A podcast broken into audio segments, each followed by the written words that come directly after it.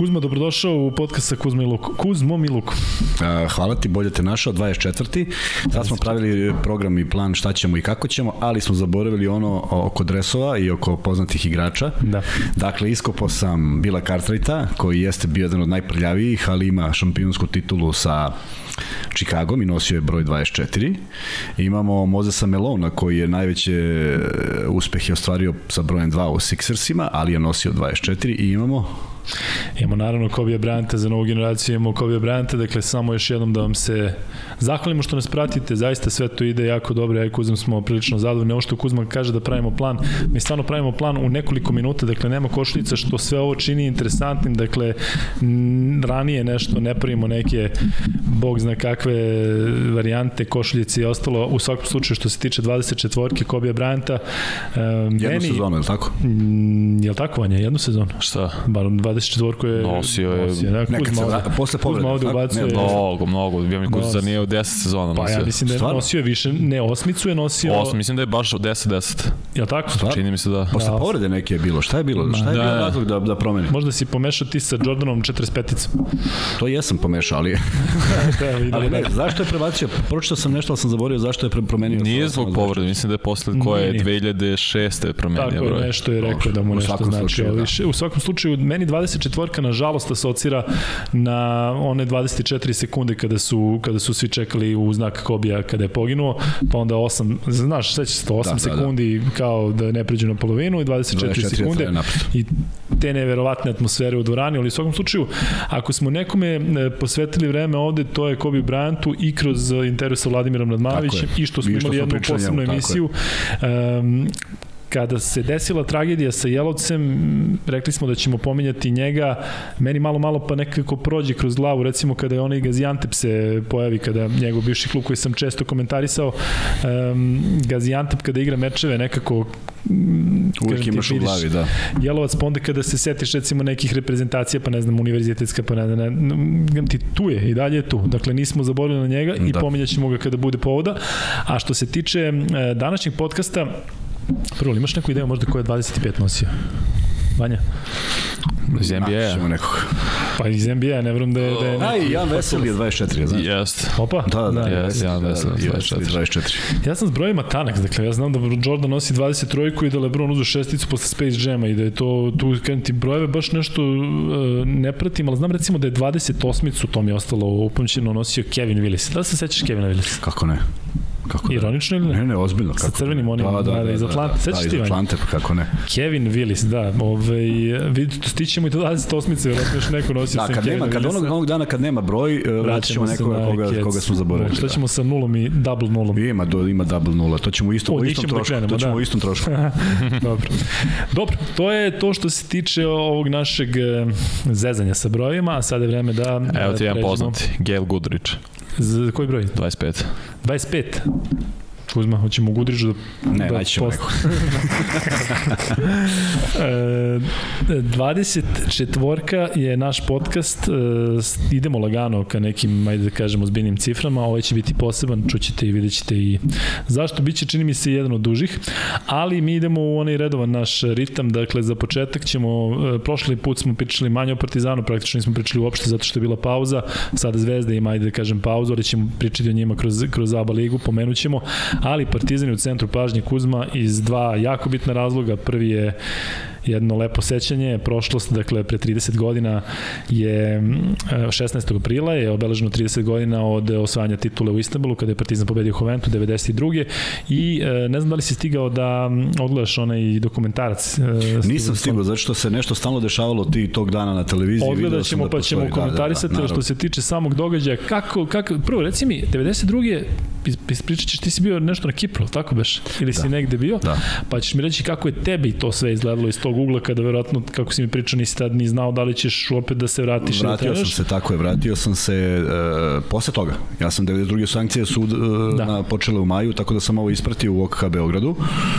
A, pratili smo zato što smo igrali u istoj dvorani i pratili smo sve ono što je pratilo Partizan i znali smo koliko je teško uh, slušali od uh, njihovih igrača koliko je teško organizovati se, igrati u Fuenlabradi i nemati domaći teren, a nekako ja mislim da je cela nacija bila uh, iza njih u smislu samo da eto nešto nešto što dalje da dođu, što dalje, samo pobede još ovu, da pobede još ovu i jednostavno sam se ostvario. Uh, nešto što je delovalo kao nemoguća misija, eto u tom svelo se u taj uh, pogodak, taj koš uh, Saše Đorđevića koji je time na neki način i svoju karijeru potpuno onako promenio. Pa realno i karijeru svih svojih saigrača. Svih svojih saigrača, apsolutno, da, slažem se, ali to je, to je on, je, on, je, on je taj meč winner, iako je Danilović bio tu neko ko je uh, već bio u reprezentaciji, neko ko je uh, imao taj kvalitet. Međutim, uh, ono, ono što je ono što je jeste bila euforija da je da je to zaista urađeno u nekim nenormalnim uslovima koji koji zaista do tada nisu zabeleženi. Uh, 95 ponovo se vraćaju ti isti nenormalni uh, nenormalna osjećanja da, da ni, ni od kuda dolazimo i uzimamo kao, kao Jugoslavija evropsku titulu. Dakle, to je bilo nešto vrlo slično da se iz inata i onog dokazivanja koliko možemo i u teškim uslovima i zaista ne znam ko je bio ko je bio ravnodušan prema uh, tom događaju. Uh, naravno gledali smo i godinama i pričali o tome uh, kroz, koš, koša, u koš, košarkaškim krugovima. I nekako svi smo zapazili tu jednu stvar da da, da, da, da ima onaj moment kada uh, prima, Partizan prima koš i Morales neverovatno brzo Koprivici ubacuje loptu u ruku. Ta, da podsjetim samo gledalce, tada su pravila bila da je ta lopta otišla bilo gde, da je pogodila Moralesa u glavu i otišla ka autu. Jedan od igrača Partizana bi morao da trči. Međutim, to je neverovatno koliko je, kako je to izgledalo i, i u stvari to je početak da. te, te akcije. Ali sam koš taj koš Đefrez je prilično neverovatno. Neverovatno kako je lopta ušla, jeste. Ali on je bio, on je bio neko ko zna tako da naskoči da. potpuno van balans, ali bio igrač koji to može da pogodi i ta lopta se zavrtela onako kroz obruč i kažem prolazi, evo sad vrti se taj snimak i neko obrate gledalci Morales koji iz nekog razloga uručuje loptu e, Koprivici, fantastično brza akcija, bez nešto mnogo razmišljanja i Sale Đorđević koji je u nekim pričama koje smo imali verovatno gađao tu tačku da bude što bliži košu, mogo je da baci i sa neke druge ovaj, daljine, ali pravi šut u pravom trenutku i kamera stoji tako da se vidi da ta lopta ide jako dobro. Mada Veliko, nije ušlo čisto. Ušlo nije ušlo čisto, tako je, zavrtala, tako je. Znaš kad da... je čistije ušlo? Čistije ušlo na njegovom oproštaju u Beogradu. Da, da, kad je pokazao kako, kad je kao naravno, kad je, iz prve opet. Jest, i po godina. nije imao godina baš onako da se... Ima ona Hrvatima koja je vrlo slična. da, ona je slična, ona je ušla čisto. Jest. Ona je ušla čisto. E, znaš šta je recimo kada povežemo te dve trojke, sećaš se reakcije Koprivice kada uđe trojka koji onako prođe ispod da, koša da, da, ispod koša, i skače, a imaš uh, Bulija koji Bulija, dozi, uzima loptu i probuši, te, degažira. probuši da. dvoranu. da, da. Tako je. O, ovaj, zato što su, zato što su to emocija koja je nemerljiva uh, i zaista to su divni, divni momenti koji Željko Obradović otvaraju vrate, onda on pravi ta ista čuda sa, sa nekoliko klubova i sad koliko je bilo čudno, koliko nije bilo čudno da to uradi sa Realom, pa posle i Panatanikosom, pa gde god je bio, toliko je bilo nevjerovatno da je sa Juventudom to uspeo da uradi. Drugačija su vremena bila, naravno, ne toliko gomilanje velikog broja igrača, bili su više timovi okrenuti ka stvaranju jednog sistema koji je Partizan apsolutno imao i ti kad pogledaš koji su to igrači, ja znam da se, nažalost, pokojne, pokojnog Dragiša Šarića mnogi mlađi gledalci ne gledaju, ali nije on bio slučajno u Partizanu. Koprivica možda nije bio reprezentativac, mada mislim da je učestvovao u određenim reprezentativnim akcijama, pošto tada, ako se neko seti, bile su i one B reprezentacije, pa je bila i Balkanska prvenstva i svašta nešto, pa mislim da su se svi... svi to, neki, tako je. svega i svačke. Uh, Šilobad, uh, Lončar koji kasnije postavio najboljih strelaca u Italiji, bio je prvi, drugi ili treći strelac u svoje vreme. Dakle, Danilović da ne govorimo. Dakle, jedan, jedna ekipa koja je tačno znala šta hoće, sastavljena od prilično mladih igrača. Ni, niko tu da. nije bio nešto... Uh, a kad pogledaš godinu dana, 91. kad pogledaš reprezentaciju Jugoslavije, opet vidiš te iste igrače koji uh, demontiraju Italiju u, finalu. Prema tome, jednostavno, mnogo toga se poklopilo, a mislim da se poklopilo ono što je, što je Željko Obradović nosio sa sobom, to je ta neka harizma i, i nešto što on donosi i kaže uh, morate da verujete u sebe. Nema boljih, nema, nema, nema, nema, nema priče o tome da je neko bolji, ako jeste, neka to dokaže. I tu se vratim stalno na to nešto što meni, meni generalno smeta kroz košarku i možda je neko, možda jeste tako i možda je takvo stanje sad trenutno, ali Ja se vratim na, to, na taj partizan, na par godina ranije Jugoplastiku i na malo duže, malo više godina unazad Cibonu. To nisu bili klubovi sa visokim velikim budžetima jer, jer Bosnu ne pominješ malo. Ba ne, ba, to je baš, baš onako da, da, da. bilo baš, baš ranije, da. ali hoću kažem od 80. kada ja pratim košarku, shvataš da, to, da su to samo čisti talenti, da je to organizovan sistem koji daje rezultat, a ne zato što je tu neko košta. U ostalom bila je amaterska liga, ja mislim da se ona promenila 90-ih, pa čak ne verujem da se te 92. mnogo menjalo i da je neko od tih igrača Partizana igrao za više od neke stipendije. Prema tome igrali su zaista iz, iz ljubavi, iz, jedno, iz jedne vere da mogu da dođu do, do, do trona, došli su i i dalje verujem da je takav, takvo sklapanje sistema a, apsolutno mora da bude prioritet. Da se zna ko šta radi, da se nađu neki, neki igrači koji nedostaju. Ne mora Misliš da ih bude. dan danas kada novac diktira sve, kada je potpuno drugačije ekonomski, kada je taj odnos između NBA lige i Evrolige, evropskih timova drugačiji, sećaš se da tada Amerikanci nisu igrali e, toliko u Evropi i malo... Slažem se, slažem se, ali ako imaš neki, ako imaš neki sastav tima gde imaš dobre napadače i procenjeno se na koga se igra, zašto uzeti šestog napadača? Napadača? Zašto ne uzeti šestog čoveka koji radi prljav posao kojeg ne primećuješ?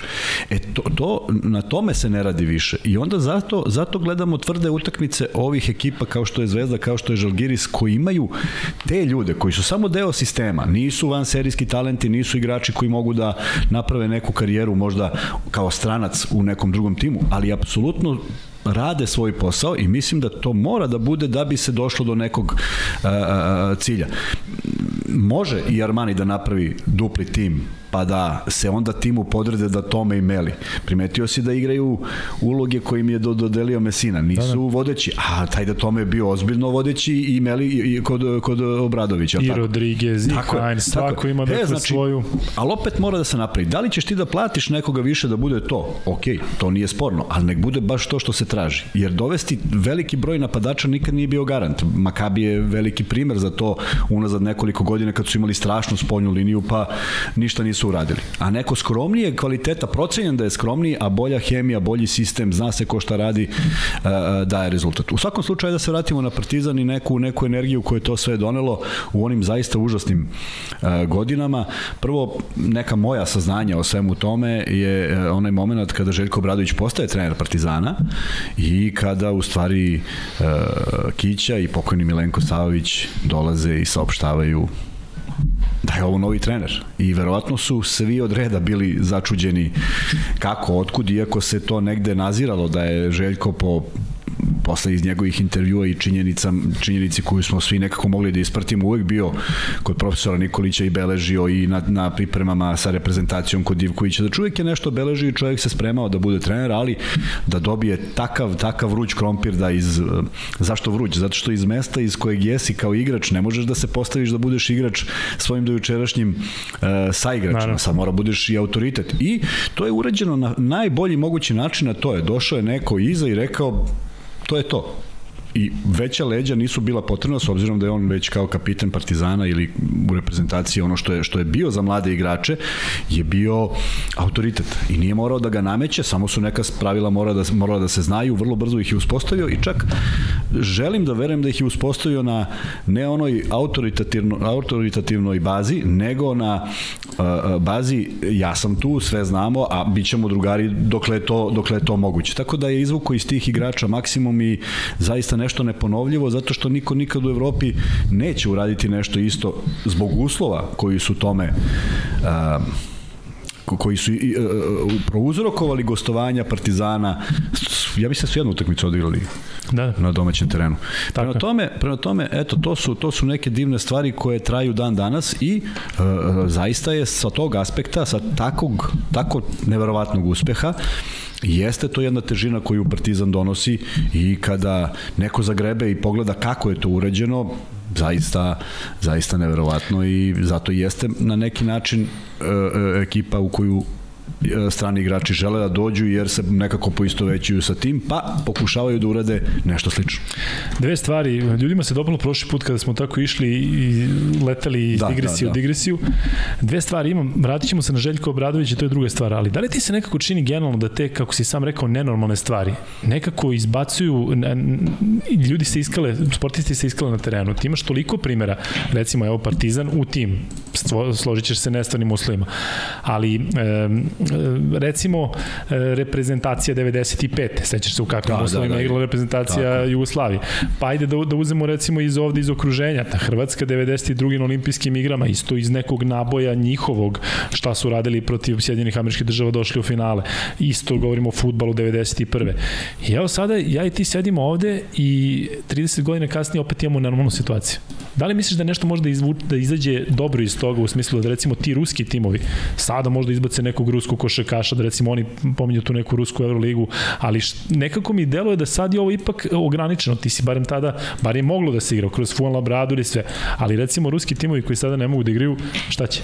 Oni mogu da pokušaju isto, ali negde mislim da nam to mentalitetom negde pripada i da ćemo učiniti sve i da, da, da, da ćemo ići iznad, iznad okvira nečega što možemo. I nebrojeno puta a, se to pokazalo. Ti sad pričaš o nekim vidljivim stvarima. Ja mogu da kažem iz iskustva da ne znam svog saigrača koji je zalečio povredu pa sa polomljenim ovim igrao pa odigravali utakmice koje su bile zaista na, na visokom nivou pa pobeđivali u nekim nenormalnim uslovima. Pa to tek primetiš kad igraš u nekom malom klubu. Ja sam imao tu privilegiju da sam igrao u Beočinu, da sam igrao u Beobanci, klubovi e, gde je sve protiv tebe, a ti igraš košarku, želiš da igraš, voliš da igraš i, i, i, i praviš neke neverovatne rezultate. Malo ljudi zna i pričaju o tom čuvenom finalu e, BFC Partizan kada smo mi vodili 2-0, a malo ljudi zna za sledeću sezonu da smo mi oba puta pobedili Partizan, jer toga se niko ne seća. Partizan nije da baš i treba da reklamira tako nešto, ali to ti negde ostane da si u nenormalnim uslovima, jer to, su, to je period kada nama zatvaraju halu Spence, zašto nismo platili struju. Samo BFC ne može da trenira i mi onda treniramo po nekim školama. Mislim, ne mogu ti objasnim uslove u kojima smo mi zaista igrali i koje smo rezultate pravili, a da, da nije bilo normalno. Prema tome, to nas negde motiviše i volao bih da vidim tako nešto što se ruskih, ili bilo kojih klubova gde postoji neka nepravda, ovo mislim da je jedna velika nepravda prema ruskim klubovima. Vidim da sad je jedan futbaler dobio otkaz samo zato što je Rus, što su apsolutno neprihvatljive stvari i samo je pitanje dokle ide to ludilo i mislim da će ići sve, sve, sve jače, a onda će neko da uradi ono što je Vatuti najavio, da vidim kako će neko da se izbori s tim ako bude bilo uh, takva pozicija da neko može da bira i da bude mnogo sredstava na, na, u ponudi. Ajde da vidimo kako će neko da reaguje, jer definitivno svako može da napravi ligu, a opet se bojim da Euroliga za koju smatram da jeste najkvalitetnija i dobro je što postoji, možda ne u ovom formatu, nije po mom ukusu, ali oni prave greške u koracima, uh, eto, pričamo o Eurokupu kako je, sve se svodi na jednu utakmicu i pričamo o činjenici da je druga sezona kako uh, se u, u, posljednja utakmica igra po završetku ligi. Pa što je onda Bayern morao da odigra tri utakmice u 5 dana? Koji je onda to bio razlog da njih izmaltretiraju da igraju ponedljak, sreda, petak? Nije human u krajnjem slučaju i još je Bayern uspeo da pobedi u toj posljednjoj utakmici što je takođe za neverovati. Ali eto, pun nekih ljudi sa ovih prostora pa, pa, da, da. pa ih to tera. Vratio bih se na Željka Obradovića. Da li ti se čini da je e, nekako zbog te vrhunske trenerske karijere nekako pocenjena njegova igračka karijera? Ja sam slušao priče kao Željko je bio solidan igrač, on je bio, bio vrhunski igrač, bio u reprezentaciji Jugoslavije Tako je. i bio je kapiten Partizana. Tako dakle, ne možemo da pričamo o njemu kao da. nekome da.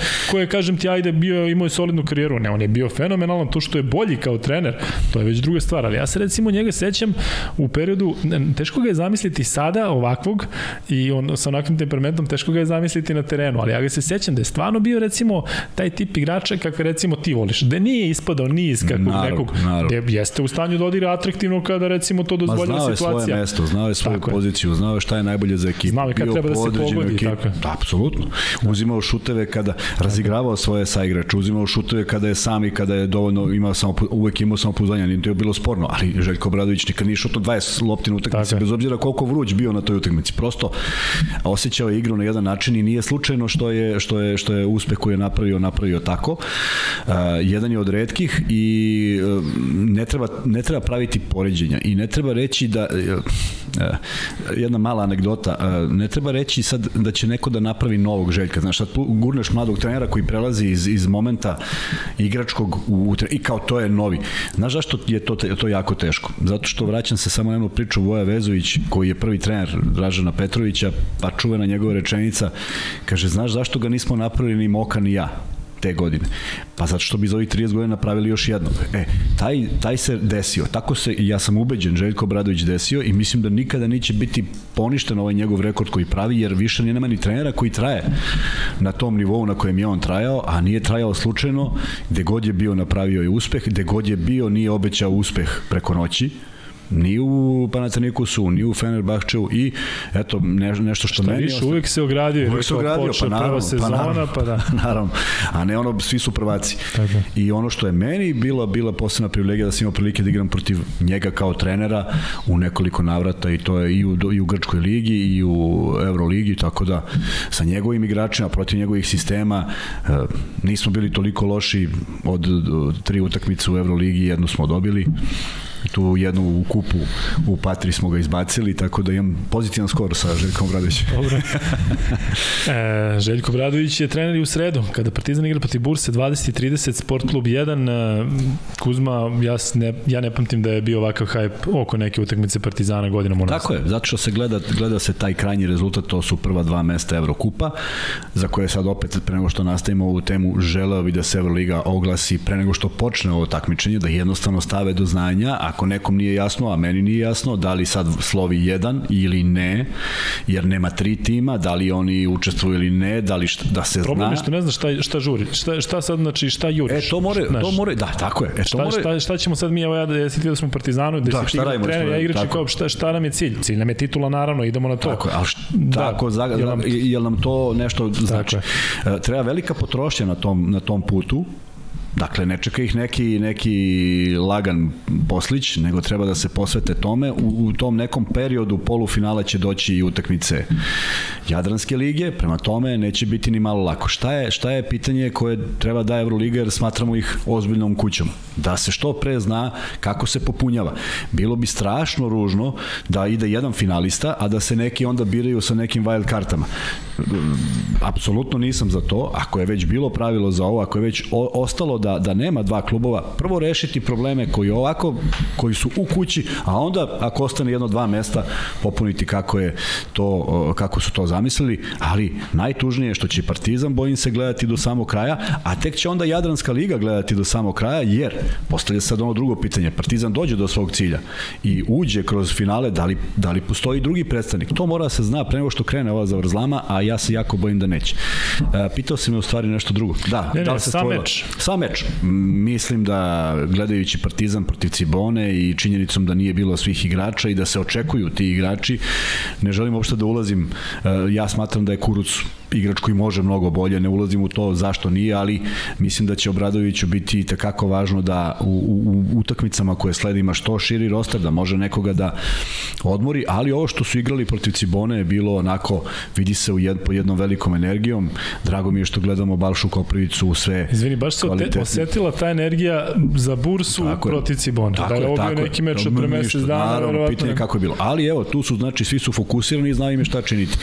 To treba da se dokaže. Znači, ništa što se uđe, ovo je lako i mislim da im Obradović neće dozvoliti da uđu u tu priču na taj način. Prema tome, ja zaista sebi bilo iznenađenje, osim da gledamo jednu, ne mora čak ni ubedljivu, jednu sigurnu pobedu Partizana, što nekada ne odgovara uh, broju poena. Uh, nije ubedljivo što i sigurno može da se desi u zadnja 3 minuta da bude 15, a da se do tada lome. Meni ono sigurno kad igraš na 7 razlike i tako igraš jedno 35 minuta i shvatiš da je to, da se utakmica tako privodi kraju.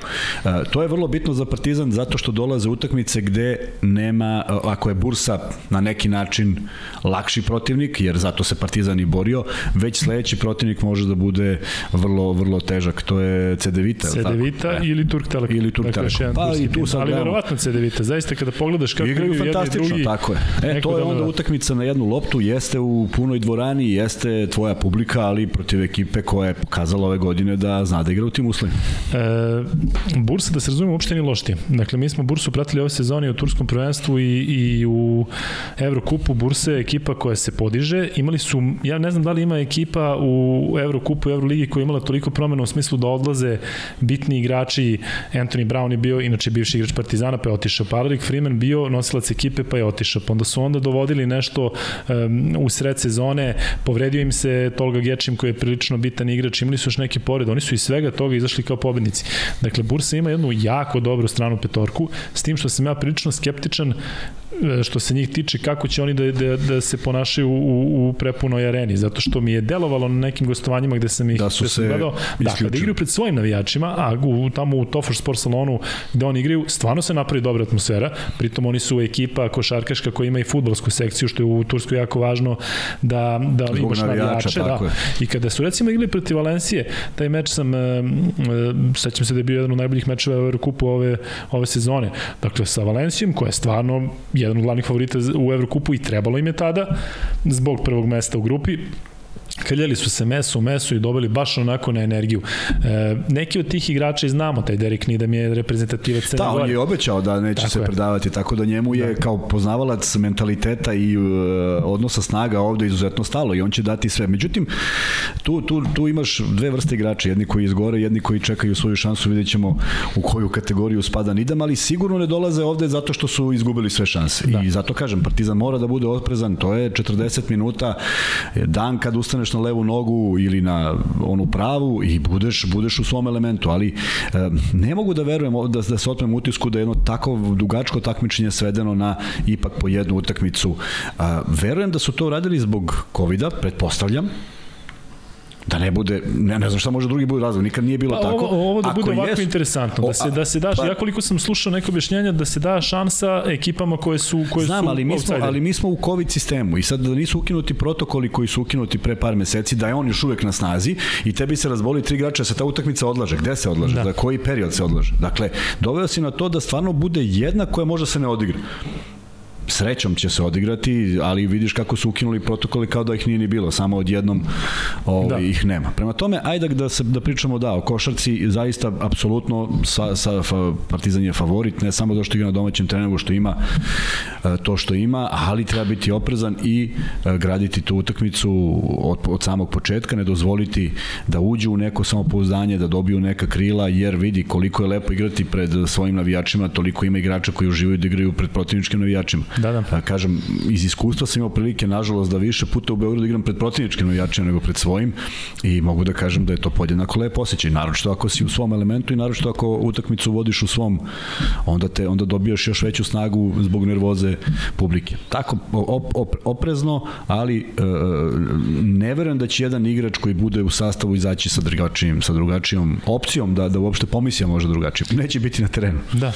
Ne računajući Efes i Fenerbahče e, koji su su zaista klubovi iznad drugih u, u Turskoj. Ima tu još odbiljnih klubova kao što je Karšijaka, pre svega koji ima jako dobrog trenera, jako dobru publiku, jako dobar tim, ali Bursa se nekako izdvaja zato što mi se čini da što se tiče kockice imaju zaista sve. Dakle, imaš tog Nidama koji je jedan igrač koji je i prilično dobar, dakle, on jeste nekada neko ko može da izgori, ko uzima nerezonske šuteve, ali Derek Nidam dobro poznaje košarku i dobar igrač. Imaš Andrew Andrewsa koji je onako prilično, prilično problematičan u smislu jedan od onih koji može da da 6 od 6 trojke, može da ih šutne 0 od 6, a neće stati ako promaši dve. E, za mene je hit prvenstvo taj Dave Dudzinski, to je momak koji recimo, primjer radi, nema uopšte e, stranicu na Wikipediji. To, to otprilike znači da ti nisi neki, ali da. on momak radi baš sve na terenu. Dakle, u odbrani i u napadu imaš Kivariusa Hejsa i honorable pa bitima koji su u stanju da nekim svojim atraktivnim potezima podignu ekipu i sada dolazimo do, do čini mi se da su malo, malo ipak tanji na, na tim visokim pozicijama, posebno zato što se povredilo nekoliko bitnih igrača, ali dolazimo sada do, do te trenerske pozicije. Dušan Olimpijević je neko ko je, ajde tako da kažem, iz Zvezde otišao kao ne sa neka, neka, nekakvim uspehom, pa je onda imao jednu lošiju epizodu u Autodoru i došao u bursu, očigledno mu je to sredina koja mu odgovara i on često potencira da je jako bitno da je on u zdravom sistemu, gde ima zdravo okruženje, gde ima podršku tima i nekako se to vidi na terenu. Da li misliš da će E, prvo, prokomentariše njega kao trenera i ova sezona Burse kako ti izgleda, ali da li recimo to što je Dušan Olimpijević bivši trener Crvene zvezde, Da li je to recimo sada plus za Partizan ili minus? Zato što će verovatno navijači da budu okrenuti negativno prema njemu, to je sigurno. Kako očekuješ recimo atmosferu u dvorani sa tim nekim dodatnim elementima? Ali kažem, nije Alimpivić bilo ko. Ne dolazi Alimpivić da, bilo ko. Čak će... i Nidama poznaju kao, kao nekog ko je igrao ranije u regionu. Pa vidi, sve što je u domenu folklora, a zaista, kažem, iz iskustva znam kako je to i ustaša sam bio u Beogradu, što nije neki problem kad slušaš prijati, prijati što, što, što, što publika obraća pažnju na tebe, ali ne sme da te, odlu, da te odvuče od, od toga. Uh, biće na udaru, ali ja se stvarno nadam, jer e, Partizan je ipak klub koji ima košarkašku publiku.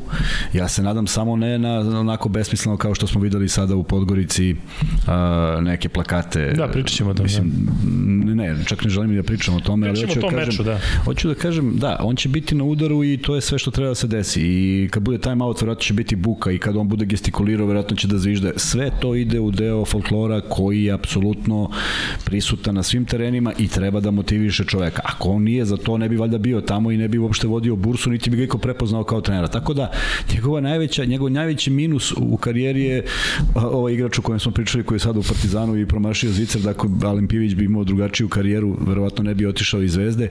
E, nije, nije to u Zvezdi, u Zvezdi toliko loše izgledalo koliko je, koliko je najveća greška koja se desila u toj sezoni, što je e, kontraproduktivno. Zvezda je pred prvu utakmicu digla tenziju na neki neverovatan nivo i tu utakmicu su izgubili.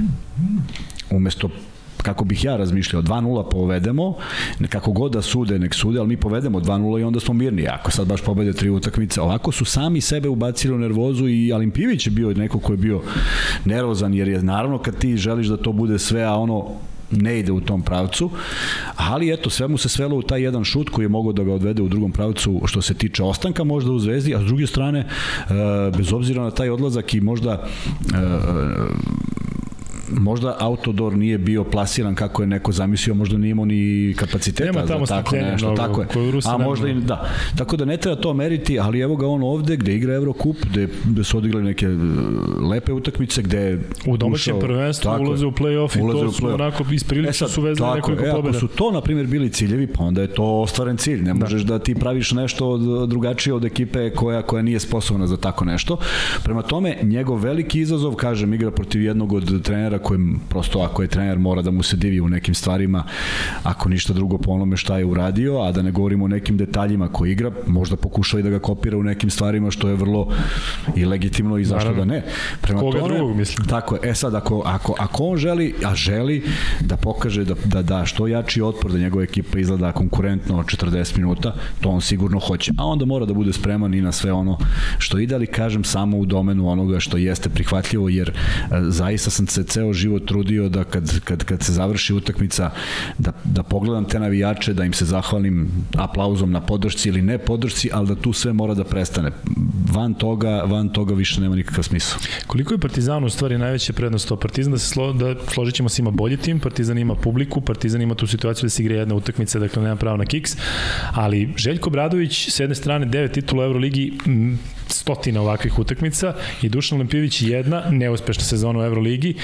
Da li je to možda taj tas koji ako dođe do nekog do nekog e, egala je taj tas koji će da da presudi za e, Partizan? Jeste ukoliko ono što je pratilo Partizan u nekim bitnim utakmicama u ovoj sezoni, ako je zaboravljeno, ako je ako je poništeno, ako su prestali da da prave te greške. Jer ja pratio sam utakmice Partizana i vidiš konstantno neke slične stvari i sve veću nervozu Željka Obradovića kada je kada se to ponavlja. Zato što je taman pomisli da se to regulisalo kad se pojavi ponovo. Dakle, eh, on može donekle da donese i mir, ali moraju igrači da odgovore da na toj utakmici on, on vidi savršenu utakmicu. Kad kažem savršeno, ni jedna nije bez da. grešaka, ali ima ono što spada u domen greške. Eh, nije on trener koji reaguje na neku stvar koja ga ne izludi. Eh, dobar, dobar, dobru ideju, a lošu realizaciju će pozdraviti. Neće da grakne zašto nešto nije. Ali neke stvari koje su postulati, ako je neko se dogovorio da ne sme niko da ide u levo, onda prosto ne sme da ide u levo. E, to su valjda već neke stvari koje bi trebalo da budu iza Partizana, jer uh, od, prvog, od prvog dana našeg podcasta i pričamo o tome da će oni bivati sve bolji da će rasti ta forma, jer prosto neke stvari uh, ne prihvati svaki igrač isto. Ne može da reaguje jedan, jedan igrač kao drugi i da, da razume nešto, nekom treba duže, nekom treba manje, neko nikad ne ukapira, neko ukapira iz prve. Tako da ono što bih voleo da vidim to je da Partizan bude u, u punom sastavu i da odigra jednu utakmicu koja se od njih očekuje. U 20.30 u sredu pratimo to na Sport klubu 1 i nadamo se da ćemo sledećeg ponedeljka neko se ne, nećemo neozbiljno da dragom pa da kažemo Partizan Cedevita, Cedevita treba da dobije svoju tursku ekipu, Partizan svoju u Beogradu, ali kažem šta se sve dešava, zamisli bude Tursko četvrt finale, Turk Telekom, Bursa, da, to telo je neverovatno, da. ali kažem ali... u nadi da ćemo pričati o ovom meču, e, o tom duelu naredne naredne, u narednom podcastu ovde samo, samo, ti, samo da, samo nešto apropo toga deluje neverovatno. Igrali smo taj kup Koreća 97. 8. i pobedili smo Šole 34 razlike. I ja sam dao čak jednu nesmotrenu izjavu da ako izgubimo tamo, treba da batalimo košaku i da se bavimo pelićarstvom. E, bio sam od pelićarstva za jedan šut. Dakle, bilo je 32 za šole i šutirali su trojku.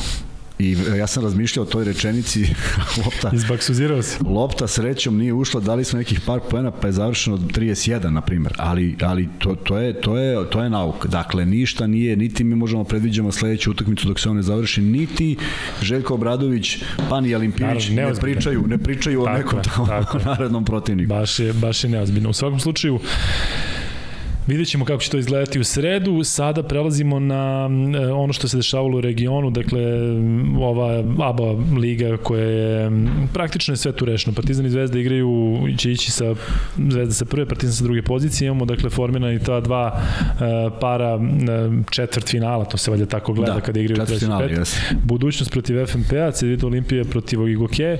Možeš ovaj malo o tom meču u Morači, pa onda da, da prokomentarišemo i ovaj parav. Uh, može svašta da bude zato što je to veliki broj utakmica, a govorimo da CDVita i budućnost imaju svoje obaveze, ne preklapaju se do određenog momenta, ali u jednom momentu će početi. E sada, da li je dobra stvar što će, što će uh, CDVita, Partizan i budućnost ipak biti u fokusu igračkom na ovim utakmicama, pa trajati u tom smislu do određenih utakmica, ili će to uzeti danak, pa će te utakmice koje su najbitnije što se Jadranske tiče, lige tiče odigrati lošije, teško je, teško je u ovom trenutku reći šta je tu bolja varijanta, ali kažem, ponavljam, odvrtno je što se poklapaju na neki način i e, taj eksperiment, a za mene to jeste eksperiment, vidjet ćemo kako će, kako će proći. Da li se time nešto dobija, ja ne vidim šta se dobilo, osim da sada, na primjer, zamisli da ga nema, da nema tog četvrt finala, završen je taj regularni deo, Zvezda završava svoje utakmice, a ovi su svi mirni i igraju svoje takmičenje u maksimalnom fokusu. Ajde da vidimo šta će to donese, ali ovaj, znaš šta sam tražio na, na sajtu ABA lige? Tražio sam ovaj format takmičenja i video sam sve, samo nisam video koliko ekipa ispada. Znam da je jedna, ali nisam video zapisano. Možda ne ispadne ni jedna. Verovatno ima ne, verovatno ima. ima negde, ali su sakrili dobro. Da, da, da. E, Morača, Zvezda, budućnost. Hala u kojoj sam mnogo igrao, hala koja zna da bude vruća, hala u, u periodu u kojem sam ja igrao dešavalo se da protiv Partizana i Zvezde imamo pola-pola, pola. Tribine je bila za budućnost, pola tribine za e, gostujući tim. Sada su stvari promenile, ali mislim da su to sad nove generacije koje čak i ne znaju Uh, mislim da znaju Deja Radonjić, ali da ne znaju šta je on doneo toj budućnosti na veliku žalost, jer onda bi bilo manje nekih uvreda. Kažem, postoje uvrede koje su dozvoljene i postoje uvrede koje prelaze svaki ukus. Tamo je nešto, nešto otelo se kontroli i bilo prilično za moj ukus neprihvatljivo. Uh, imaju igrača koji je dojuče bio njihov i na kojeg ne znam, ne znam iz kojih motiva im smeta što je što je prešao u Crvenu zvezdu korak više ja, u njegovoj karijeri. Saša Bradović je legenda Crvene zvezde, ali tu barem postoji deo navijača koji ima zašto da se uhvati. Ja sam protiv toga da njega vređaju. Ali zna, zna se da tu je postao neki problem. Pa vidi. Ali ja ne vidim problem između Radonjića i budućnosti. Je li bilo nešto? Ne, samo je prešao u zvezdu. Da. I Nikola Ivanović samo dobio ponudu. I kažem ti, ta, tako je, znači pritom, govorimo o Nikola Ivanović. Pritom Nikola Ivanović zaista slovi po svim informacijama, ja i dalje imam te prijatelje, drage prijatelje iz, iz, iz Podgorice, slovi za neverovatno fino dete, dakle nema, nema, nema, nema nekakav gaf, nema nekom se zamerio, da. nema nekom nešto rekao, nema gestikulirao, nema apsolutno ništa. On je čak trebalo da bude više na meti uh, svih nas odavde posle one trojke za reprezentaciju Crnogore, da, da, da ga nađeš, da ga, da ga izmlatiš negde, ali, ali prosto čestitaš mu na tom potezu i kažeš divno je što postoji takav igrač. Ali njega su odmah krenuli da napade. Čim je popisao zvezdu odmah pa, da, pa, ga pa, Nikolić da, pa, branio, dakle kažem, on pa, je nema veze. na udaru. Ali ovo kažem ti s Radinićem ne razumem zato što yes. možda je to e, priprema nečega što eventualno sledi. Ne znam, ne znam šta je. Kažem ti, negde može da se ide do određene granice, ali kad se pređe granica onda ne želim da, da, da, da, da, da učestvujem u tome. U svakom slučaju dobra utakmica, dobra utakmica s obzirom da je budućnost bila sa devet igrača u sastavu. Uh, Vilija Rida nema, što je veliki hendikep. O, o, to će se odraziti na ove utakmice koje slede, jer do, igraju se u serijama ipak. I, uh, i nema Micova, za kojeg ne znam uh, kakva mu je povreda, ali on je neko ko, ko je igrao makar ovakve utakmice i sigurno da svojim postojanjem na terenu može da donese tu neku sigurnost. Vidjet ćemo da li će biti spremni za utakmice, voleo bih da budu i uh, da vidimo kako će budućnost koja je možda najviše pogođena svim ovim uh, personalnim problemima, kako će odreagovati na tu seriju bitnih utakmica uh, što Evrokupa, što tog uh, četvrtfinala. Selimo se u Ameriku prvo na ovaj način. Dakle, oko Johna Browna smo pričali, pričali smo o njemu dosta. Situacija sa Johnom Brownom je takva da je potpisao za Brešu pre nekoliko dana. Ja došli smo do njegovog okruženja, dakle dobio je četiri ponude iz Euroligi i tri ponude iz Evrokupa za narodnu sezonu, ni jedna od tih nije ne samo od Zvezde, nego od timova iz Beograda. Dakle, on će, on će igrati za Brešu, moma koji sigurno, sigurno e, zaslužuje, ajde da kažem, veći tim, vidjet ćemo u kom pravcu će to ići. Čak smo pokušali da ga dovedemo u podcast, međutim, zato što je postao član Breše, e, samo iz tog razloga je neumesno da govori sada o bilo čemu drugom. E, Što se tiče sledećeg e, američkog segmenta, pričamo kratko o NBA ligi, Vanja, e, zadržao bih se na ovim serijama, počeo je playoff naravno, zadržao bih se na zapadu na seriji Golden State Denver, gde je 1-0 za Golden State baš rutinska pobeda i neko mi se čini da će si ti možda čak i bio u pravu kada si rekao da neće biti više od pet utakmica, nažalost i meni deluje da Denver, ako dođe do dve pobede, svaka čast izgleda iskustvo Karija, Thompsona, Greena, ipak previše znači u ovoj situaciji. Prosto je kvalitet i ljudi su sad napokon videli koliko dobar Jordan Poole. Da. Da se Jordan Poole pričalo godinama unazad da je sa onim potencijal, dečko bude nevrotan igrač i ja verujem da će on možda već naredne godine da zameni Clay Thompson u startnoj postavi jer da, toliko to, dobro igra. To, to sumnjam, ne bi, ne bi ne, iz više razloga. Ekipu. Clay Thompson mnogo vredi prvo. Naravno. To je koliko 40 miliona, ko, pol mnogo manje sada trenutno vredi i mnogo manje mu je ugora, igra bolje. A nekomu se potrefilo stvarno sve da, da dođe u prvi plan. On je stvarno, njemu, idu, njemu idu najbitnije lopte, sa potpunim pravom, kažem ti, pored svih ovih, da kažeš, superstarova. E, je li dalje ostaješ pri tome pet utakmica? Ma da, prosto mnogo bolji tim imi. Da. I da se vrati Michael Porter Jr., to jest neće toliko uticati. E, istok, dakle, sjajan meč između Brooklyna i Bostona, to delo da će biti jedna od najzanimljivih serija, mislim na ceo playoff koji nam predstoji. Ubedljivo, stvarno neko je bio osjećaj kao da je utakmica 7 finala tako istoka, je, da. a ne prva runda, da, prvi da, meč. I pogotovo ta interakcija Kairi Irvinga Kairi sa fanovima, to i Kairi koji je koliko postigao 18 pojena u četvrti četvrtini, gde da. on održao Brooklyn zapravo u igri sve vreme, dok Durant igrao slabije, na kraju u poslednjem posedu njegov igrač je Tatum bio, da. koji nije video backdoor, samo prošao iz rollinga položio za pobedu. E, pričat ćemo o NBA ligi više kako playoff e, bude odmicao, Vanja tebi hvala na ovom kratkom učešću, uvek, uvek. dakle i dalje ostajemo u Americi, a sada Kuzma imamo, šta imamo? Imamo jednog dragog gosta, u pitanju je Saša Stefanović, um, sin čoveka koji je rođen u Aleksincu i koji je 85. igrao za Crvenu zvezdu i mlađim generacijama koje ne dobacuju do tog perioda može da bude vrlo interesantan kada izgooglaju da je prvi draftovani Srbin. Radi se o Ljubiši Stefanoviću. Ja, prvi draftovani Srbin ili prvi draftovan generalno iz Jugoslavije? Ja mislim da je iz celog ja, pa, regiona. Da, moguće, da, ne znam, da, ali, da. ali mi sad pričamo o nečemu. Da, da, da, da. naravno.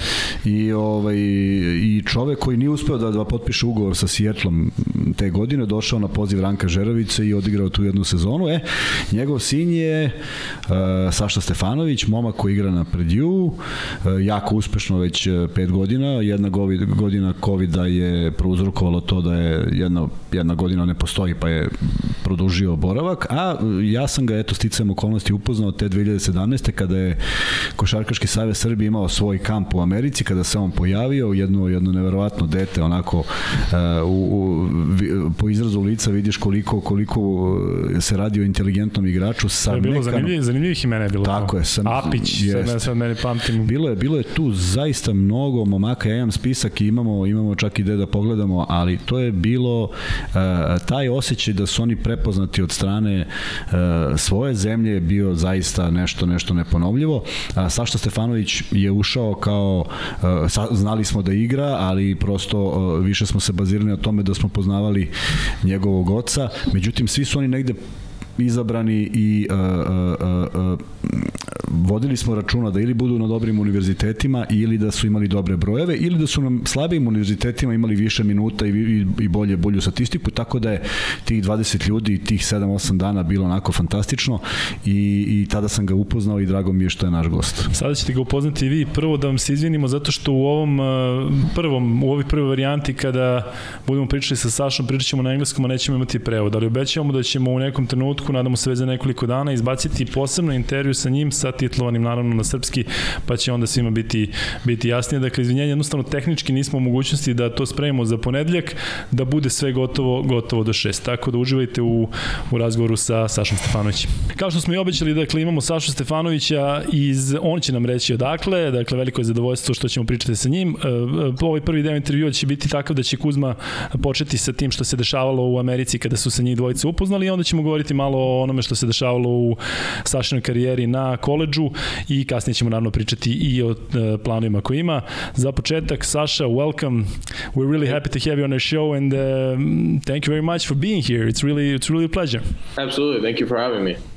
Okay, so we're gonna start with Kuzma because he was um, he you met him like a couple of years ago when he was um, in Denver with the Serbian players uh, playing in, yes. the, in for for uh, for the team. Actually, Serbian players with Serbian background but born in the US United not, States. Not necessarily born in USA, yeah. just just playing basketball in US because we we, we lost track of them and uh, we wanted to see them, to meet them, to show them our uh, care about them because nobody paid attention on, on, the players who played in NCAA. So I just want to, to remind our viewers in 2017, uh, Basketball Federation of Serbia made a great project. I was involved in it. I, I gathered uh, 20 young kids from 124 in that time, and uh, we gathered in uh, Denver, Colorado. We met with the Serbian coaches, uh, Zoran Todorovic, uh, Igor Kočević was with me, Ivan Smiljanic as assistant coach, and uh, we met for the first time. Those 20 guys between be, between them was Sasha Stefanovic. Sasha, tell us your uh, experience about that project. Yeah, that was um, like you mentioned. It was it was a it was a great experience where I was able to play with you know guys of college caliber that were really good and had a chance to you know, play for the national team and play for, uh, you know, at that time the U, uh, World University Games that were held in Taipei.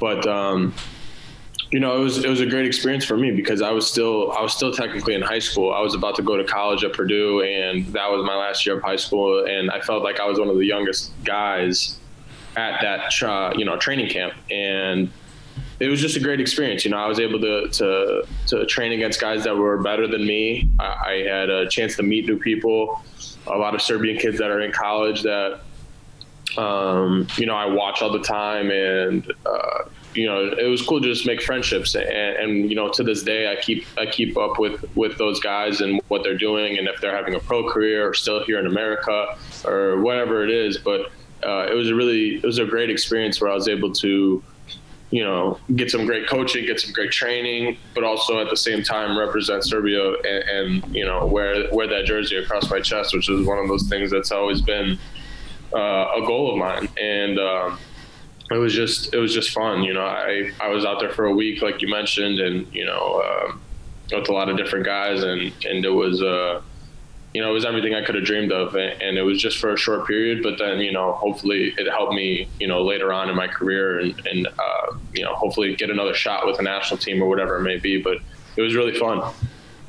Yeah, it was great time. Especially, uh, I had a chance to meet your father, mm-hmm. who I watch, who, whom I watch in in the in the eighties, and I remember him even that he didn't believe. But that was a time when we get used to love basketball, and he was really really good. And unfortunately, he has different uh, uh, different ideas about basketball. He didn't want to stay uh, too long in, in Europe, yeah. and, and, when he got back, he finished his career. But actually, we are very proud that he was in that time, even that we here didn't know anything about it, he was the first Serbian at draft, and yeah. and years later we realized that's that's the fact. So uh, this project, this idea to meet you was not to wait 20 years to find some guys who can play basketball. This was this was the reason why we uh, wanted to have this kind of of uh, gathering,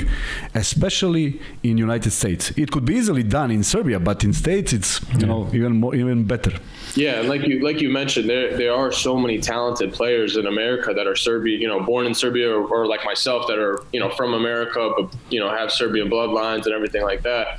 That kind of get lost in the shuffle. That are really good players that you know that aren't playing overseas right now and aren't playing for you know Zvezda or Partizan or whatever it may be, and you just kind of get lost that you're just a college player and you're you don't go back as often, so people don't see you as much. But there were some really talented players the, on that team that ended up playing on that university games and uh, having a great tournament and everything. So it was a really cool project that you know, like you mentioned, you were able to see a lot of those guys that um, don't get their fair shot, and it was uh, it was really cool. It was fun, and yeah, like you mentioned, my dad always uh, my dad likes to bring that up all the time that he's he's the first Serbian born in the NBA draft, and he uh, he likes to brag about that too. Well, that's true. Yeah, yeah. It's, it's, actually true, but people don't know about that. That's, no, no. that's the problem. Yeah. Okay, Sasha, can we take him to the present yeah, go, day? Go, yes. Okay, Sasha. Here's the deal. I know that you had a lot of a lot of offers when you were in a senior year of high school. Mm-hmm. How did you commit to Purdue? How how did you make that decision? Yeah, so coming out of high school, I, I had about 25 offers, but they were majority of them were mid-major schools. You know, not as you know high power, uh, Big Ten, you know, Big East, or you know anything like that. But um, going into my senior year, I had a uh, you know a lot of those schools were going to recruit me, a lot of the bigger schools, and then I got injured going into my senior year, and they kind of you know stopped recruiting me. They kind of just fell back and got some other people and Purdue just kept kind of, uh, you know, in contact. Coach Painter just kept kind of uh, recruiting me. He came up to a lot of visits. Um, you know, came up to watch me play open gym, workouts, anything training wise. He kept coming up, but they didn't have a scholarship at that time. And he was waiting for Caleb Swanigan to either either go to the NBA draft or not go to the NBA draft in, in the following the following year. So um, it left me in a spot where I had to decide either to commit to one of these mid-major schools or wait for the possibility that maybe Purdue would open. And ever since I was young, Purdue has been the place that I wanted to be at. Um, seeing guys like, you know, where I'm from in Indiana, Northwest Indiana, up by Chicago, is it, it, Moore, Robbie Hummel, yeah, Robbie Hummel is really big now in 3x3 playing yeah. basket uh, instead of basketball. He's really big anyway. Unbelievable, yeah, yeah, yeah. So he's made himself a career after the fact on the three on three, and now he's an unbelievable broadcaster. But at that time, him playing at Purdue, you know, he was an All American. Same with E'Twaun Moore. Those two were All American players, and they were from where I'm from in Indiana, you know. And I, I watched Purdue all the time. I, I, I wanted to be at that, that level. And, um, when I started to get the, the possibility that I could even go there, that I was good enough to, to play there, that Coach Painter was recruiting me, I felt like I needed to do everything that I could to try to get to that level and get to that point. So I just kind of, going into my senior year, I just kind of told all other teams that was recruiting me, like, hey, I'm going to wait until the spring of my senior year to decide to commit to a school. I said, I'm waiting on Purdue if I don't get a Purdue offer, then I would be more than willing to go to one of your schools. But at this time, I just I just want to wait on Purdue. And February of my senior year, uh, Coach Painter um, kicked the kid off of his team, and the scholarship became available. And then I took it the next day, and then I ended up redshirting my freshman year. But um, but yeah, it ended up being one of the best decisions I've ever made. I was redshirted my first year, so I know it's pretty hard. Was that hard that you know you're going to play with the team, you're going to be with the team, but you cannot play actually games? Was that uh, hard for you, waiting for a whole year?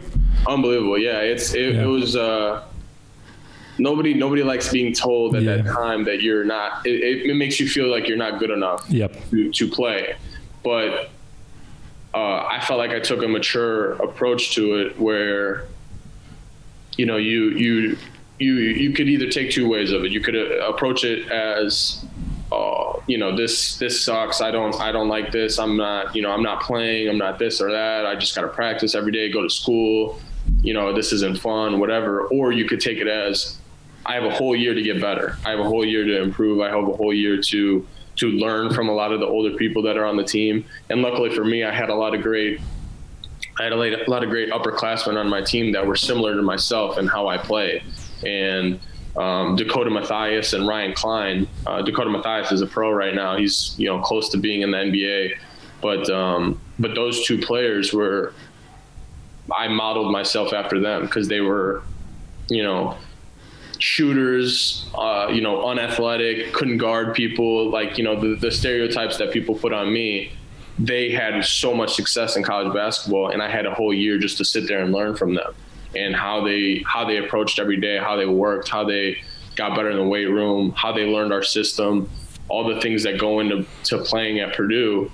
Uh, I really had a chance to learn, and then so when I hit my redshirt my redshirt freshman year, when I was able to play, I was able to hit it more um, you know, hit the ground running, and I was able to to play better, and I was able to make more of an impact than I ever thought I was going to at Purdue. I never thought going into Purdue I was one of the lowest recruited guys. I was one of the lowest rated guys. I wasn't a high level, you know, uh, recruit. I wasn't five star or whatever, but I was a guy that accepted a role and I just kind of just continued to chip away because I never really expected anything. So it, it really helped me that redshirt year where I was just I just got better overall. I got stronger. I got more mature. I got used to I got used to college basketball. I got used to college life in general, where sometimes as a freshman, it's it's it's crazy. Sometimes you know you gotta you gotta adjust your your way of living. You know, it's colleges and yep.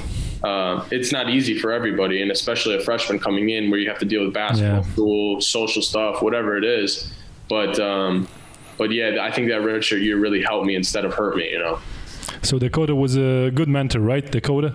Absolutely, yeah. He um, he's in the G League right now. He's in yeah. G League right now, right? Yeah, he, yeah. yeah. Last year he signed some uh, ten day contracts with the Grizzlies. Uh, he got injured right after that, unfortunately. Yeah. So he's actually been here at Purdue, um, you know, just rehabbing and, and getting himself better. But he's been a big influence on my life, you know, in my college career. And I, uh, you know, like just yesterday, like you know, we we talk all the time and we talk a lot about um, you know going through this whole you know professional process of you know agencies and um, you know how to how to go about your workouts, how to go about your pre-draft stuff, how you know all that stuff that goes into being a professional. He uh, he's really helped me a lot, and I just take a lot from him, a lot a lot from his game. You know, he's a he he's a guy that's similar to me. You know, like like I said, we get yeah. we get labeled as unathletic, you know, mm-hmm. not fast, whatever, blah blah blah and he's figured out a way to be a tremendous defender when he has those labels on him. So you know, and, and shooting off the ball, or off screens, and um, you know, making uh, right decisions, not turning the ball over, everything with that, that becomes a good player and, and finding yourself in a role. He uh, he's been a big influence on me, and I, I, I take a lot from him all, all the time. And tell us a little bit about Coach Matt Painter. Uh, everybody says he's a great guy, great coach, but first of all, a great guy. Did you have experience with him like that?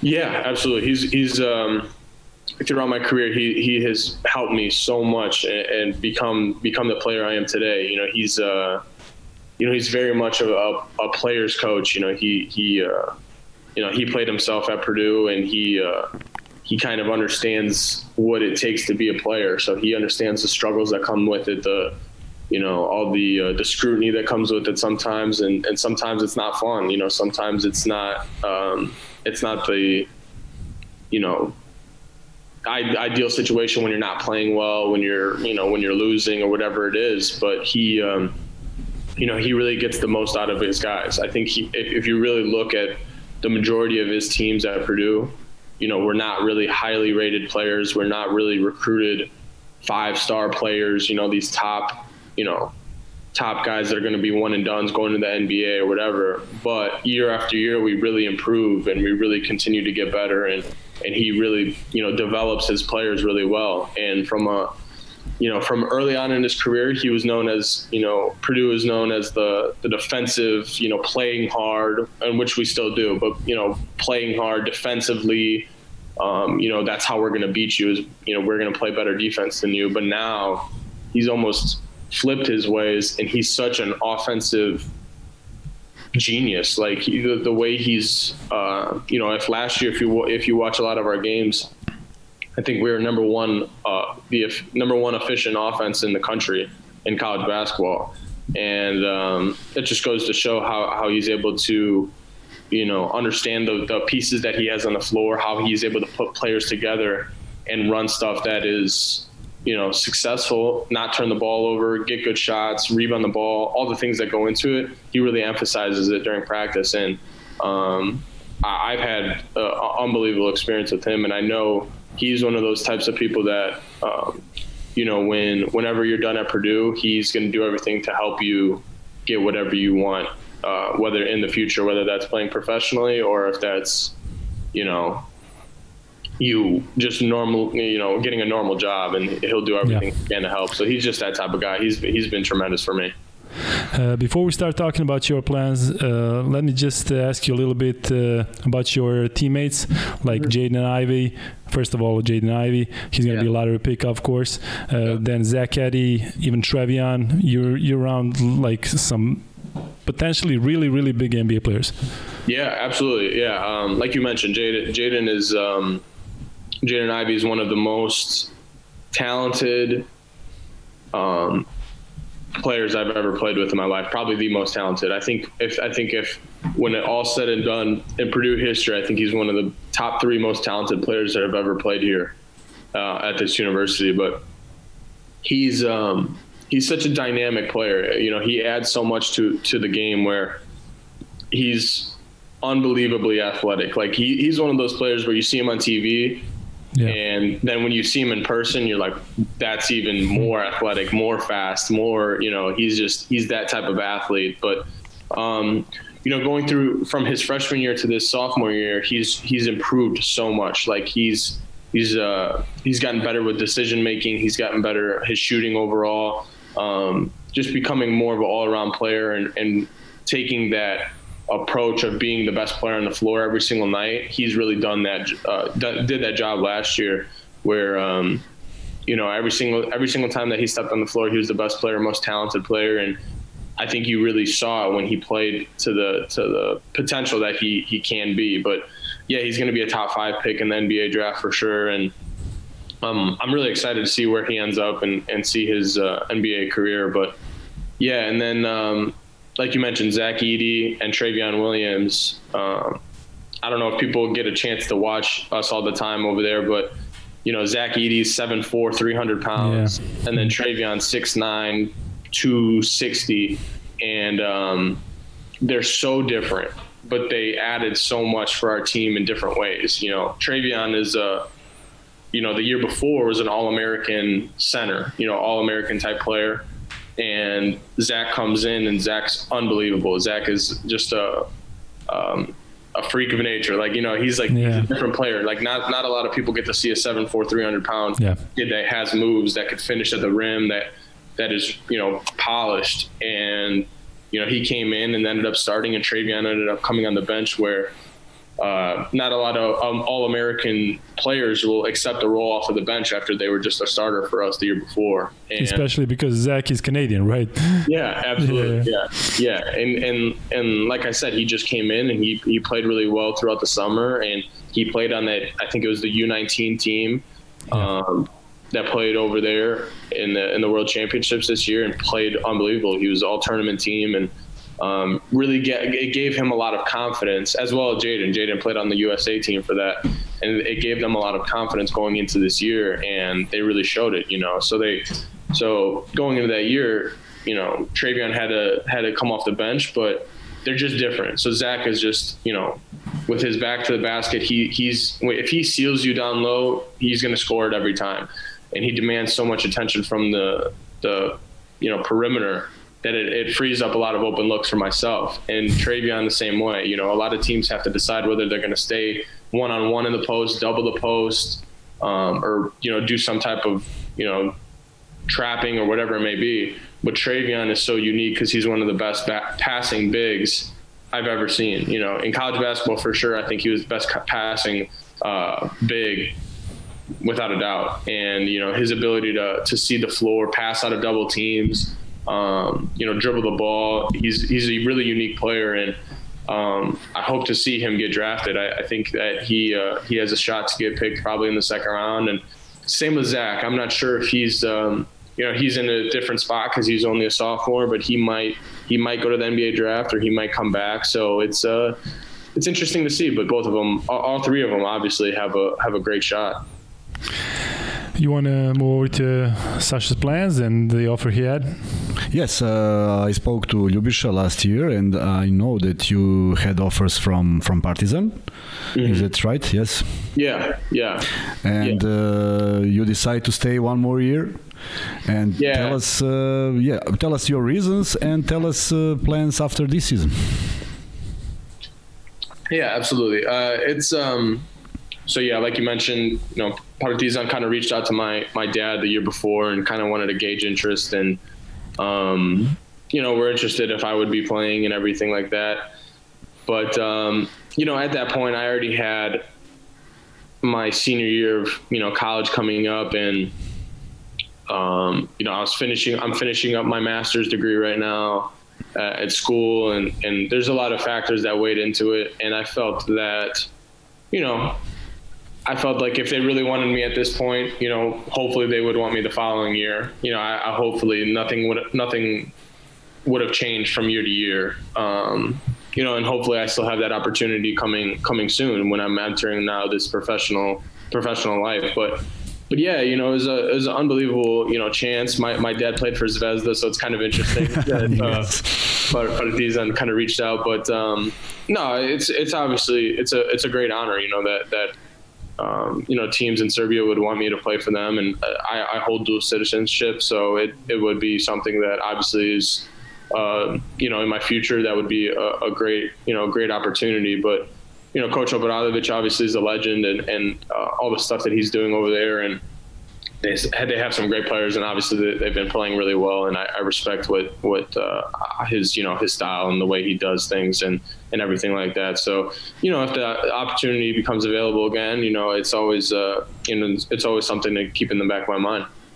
Yes, but like you said, this was this was a lot of things you to you, you had to do before you decide to leave because otherwise you would not finish your high school your your college, right? Yeah, you absolutely. yeah, that, yeah, like I like I mentioned, you know, it's you know going into it also.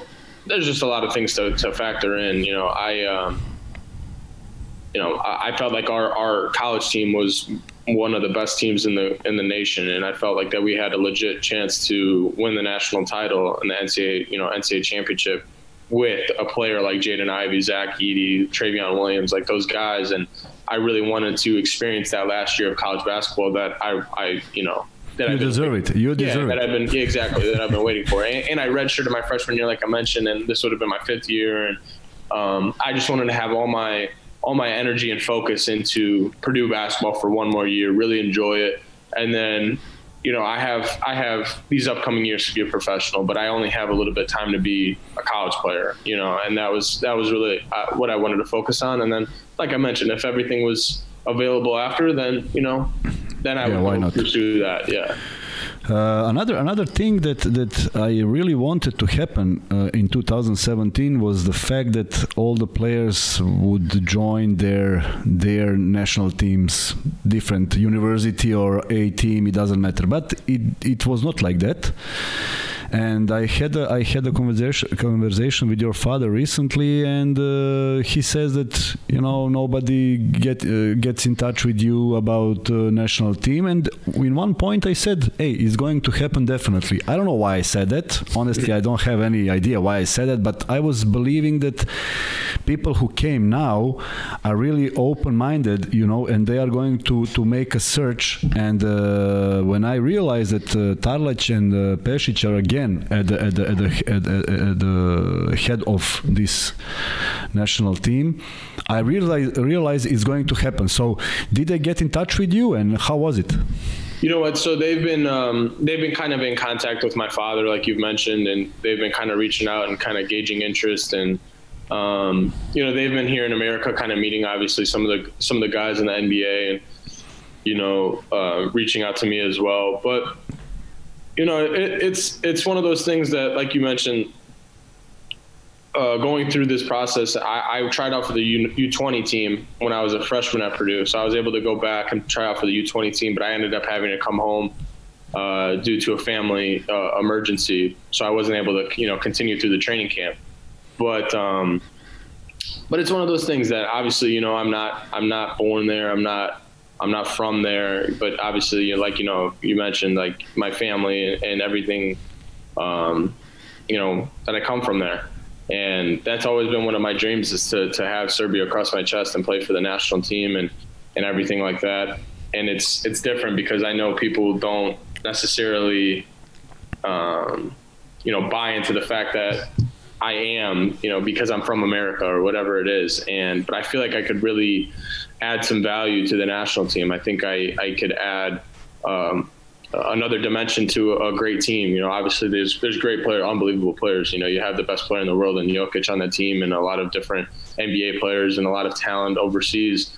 But uh, I feel like I could add some, you know, uh, ability to stretch the floor, shooting ability, um, you know, making right decisions, you know, getting people the ball in the right places for them to score, you know, whatever it may be, and whatever that role, you know, whatever you know the coaches ask for me in a role in a certain role, I will 100% do. You know, so it's um, it's one of those things that I hope I hope happens. I hope I hope I'm able to play, you know, upcoming for the national team. But you know, if it doesn't happen, it you know it, it doesn't happen. But I, I, really, you know, hope that um, you know Pe- Coach Pešić and, and Tarlac, you know, I hope that they you know continue to reach out and continue to to be interested in me, and hopefully I get that chance. Yes, I hope you. I hope you will agree. Sorry, Luka. I hope you would agree that this is not just about basketball.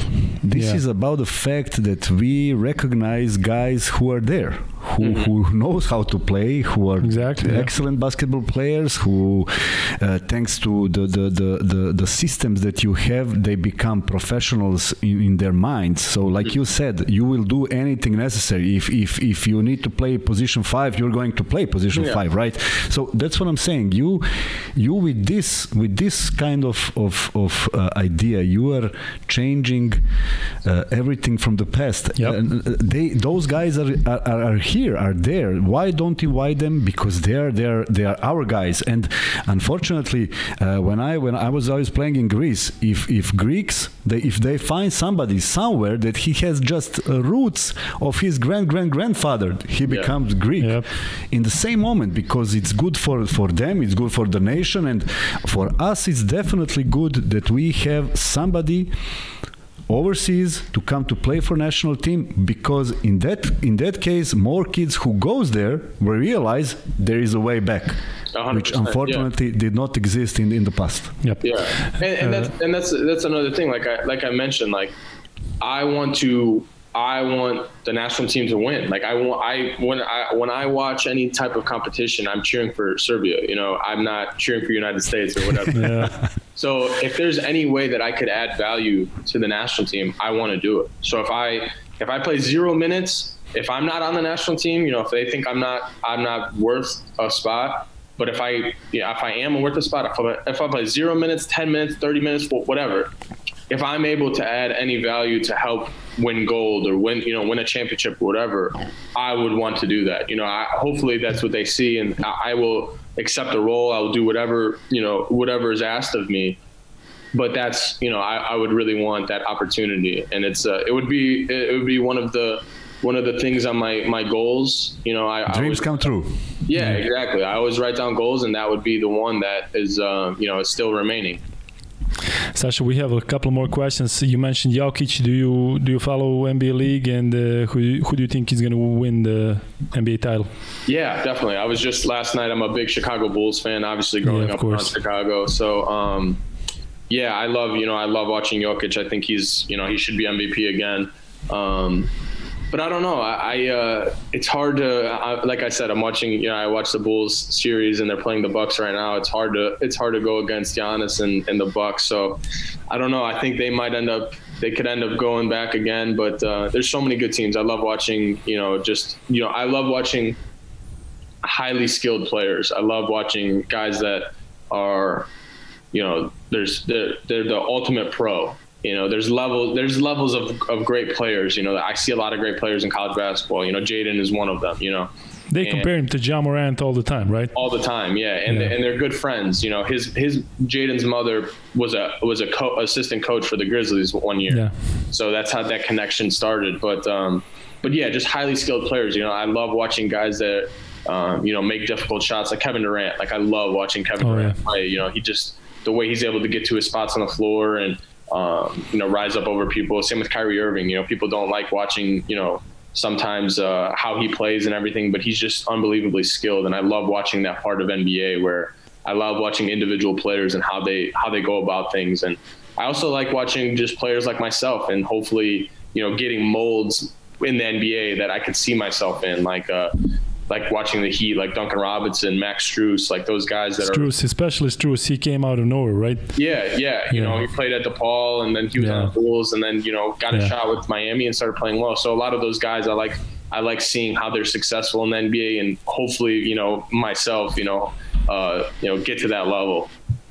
Do you have a chance to follow maybe Partizan or Crvena Zvezda or Serbian teams or EuroLeague teams? Do you do you have any connection to it?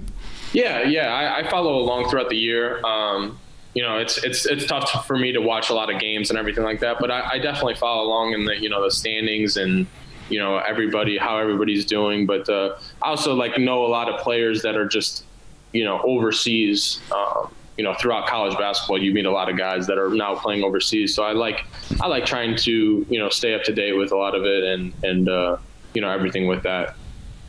And uh, this is my last question, and Kuzma probably going to add something, but uh, we're not going to ask you what you're going to do next and what's the next step, but tell us just uh, how hard it is right now because your college career is over, and now you got NBA, you got NBA G League, you may be playing overseas, you're talking about national teams, Serbian teams, and you also also said that you were uh, focusing on your getting master's degree. So all this together, is it hard for you right now? All those places, like in your mind, what's happening? Yeah, it's definitely. Um it's very chaotic right now. You know, there's a lot of a lot of things happening at once, but um, you know, it's just you know just taking stuff day by day. So you know, the first you know the first thing to do was you know signing an agent and then going through this process with the pre uh, pre pre draft process and you know all that stuff and and where I'm going to be doing it at, where I'm going to be or who I'm going to be doing it with. You know, all the things that go into it. Then you move into NBA pre-draft workouts if teams want me to come in and you know work out for them if they have you know any interest then moving through that and summer league and um, you know if if I have a chance to play with the national team then you move into the if I if I have a, chance to go with the NBA team going to training camp or going overseas or whatever it may be it's it's just a lot to handle at once. But you know luckily I've had like like like you guys have mentioned, like I've had great people in my my my life, like my father, that has has been through this and, and dealt with this, you know, same type of um, you know situation before.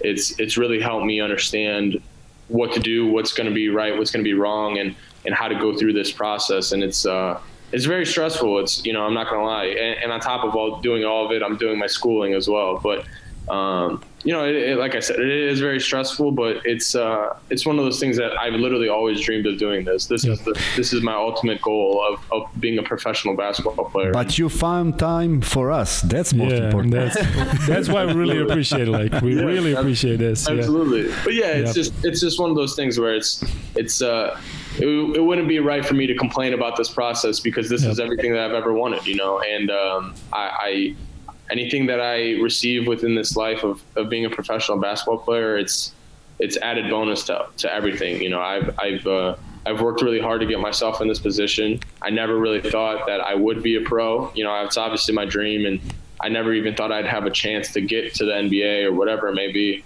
And now that I'm very close to it, it's it's uh, it's really exciting, and I'm really I'm really looking forward to, you know, going through this whole process of, of being a professional player. Well, the thing if if you get drafted, you're definitely gonna get uh, drafted before your father because he was like 82nd, right? yeah, it's not was, it's not possible think, anymore, no, right? I think he was the, the 99th pick actually. Yeah, like yep, but, but, not 60, right? Not top 60, right? no. Yeah. Uh, so uh, we really appreciate, and we hope that whatever you decide, whatever happens, we hope that you you're gonna be happy. That's that's uh, what we what we hope. You got anything else, Ted? Yes, I have one more question. If you rank fans from scale 1 to million. Is your mother first or a little bit above? I don't know, man. Is is uh, is number is number one the the craziest most or a million? Yes, yes. Because she might be number one. Number one. That's what I'm saying. She might be number one. Yeah, it's it's funny. It's funny if you watch if you watch any Purdue. Game, I follow everything she puts oh, on Facebook. Yes, it's she, amazing. She you you'll go you'll go to boilers up boilers up. They're, they're they're always my family sits you know first row basically right right by all the family section. And you see my dad if I make a three, he's just you know, little claps, you know, no no real emotion, and my mom is going crazy. Like she's she's leading the student sections with everybody, and uh, no, but it's great. You know, obviously, like I said, my dad has been through this whole process, so he kind of gets basketball and a lot of the a lot of things things that go into it. But my mom just really cares about me, and she just wants me to do well. And yep. so whenever whenever I do something well or our team does something well, she's uh, she's there. She's there. Yep. But yeah, it's great to have that kind of support, different kind, right? Exactly. exactly. Because it would be it would be crazy that your dad is going up and down, yeah. which which nobody likes. Yeah.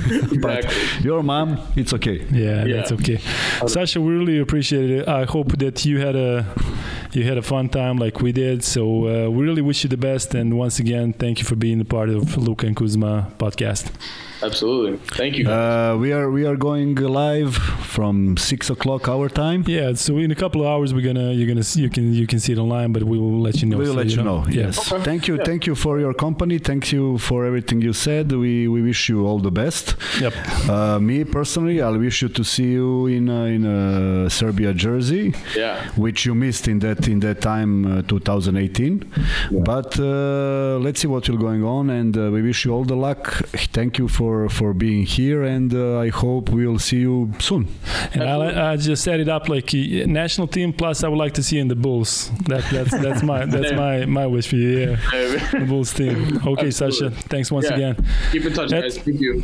Thank you, Sasha. Bye. Uh, eto, drugari, videli ste kako to izgleda kada nam se Saša priključi iz Amerike. Nadam se da je vama isto bilo interesantno. Ovim je kompletiran naš podcast da. 24. Prećemo da je ipak bio specijalan. Specijalno, Imali smo, jest. dakle, zaista o mnogo čemu da pričamo Jest. Imali smo dakle prvi naš intervju na engleskom, tako da sve u svemu kažem e, sve ovo kad se skupi, mislim da je bilo zaista dobro i u svakom slučaju još jednom da podsjetimo da ćemo uh, intervju sa Sašom Stefanovićem u nekom trenutku prevesti i da ćemo ga onda postaviti posebno na internet. Upravo to, da ćemo uspeti nešto? u tome i da se zahvalimo na, na, na prethodnoj nedelji koja je bila prilično uspešna i po broju pregleda i po ljudima koji su počeli da prate naš podcast. Hvala vam, gledajte nas i dalje i mislim da ćemo ovim da dobijemo i neku novu publiku.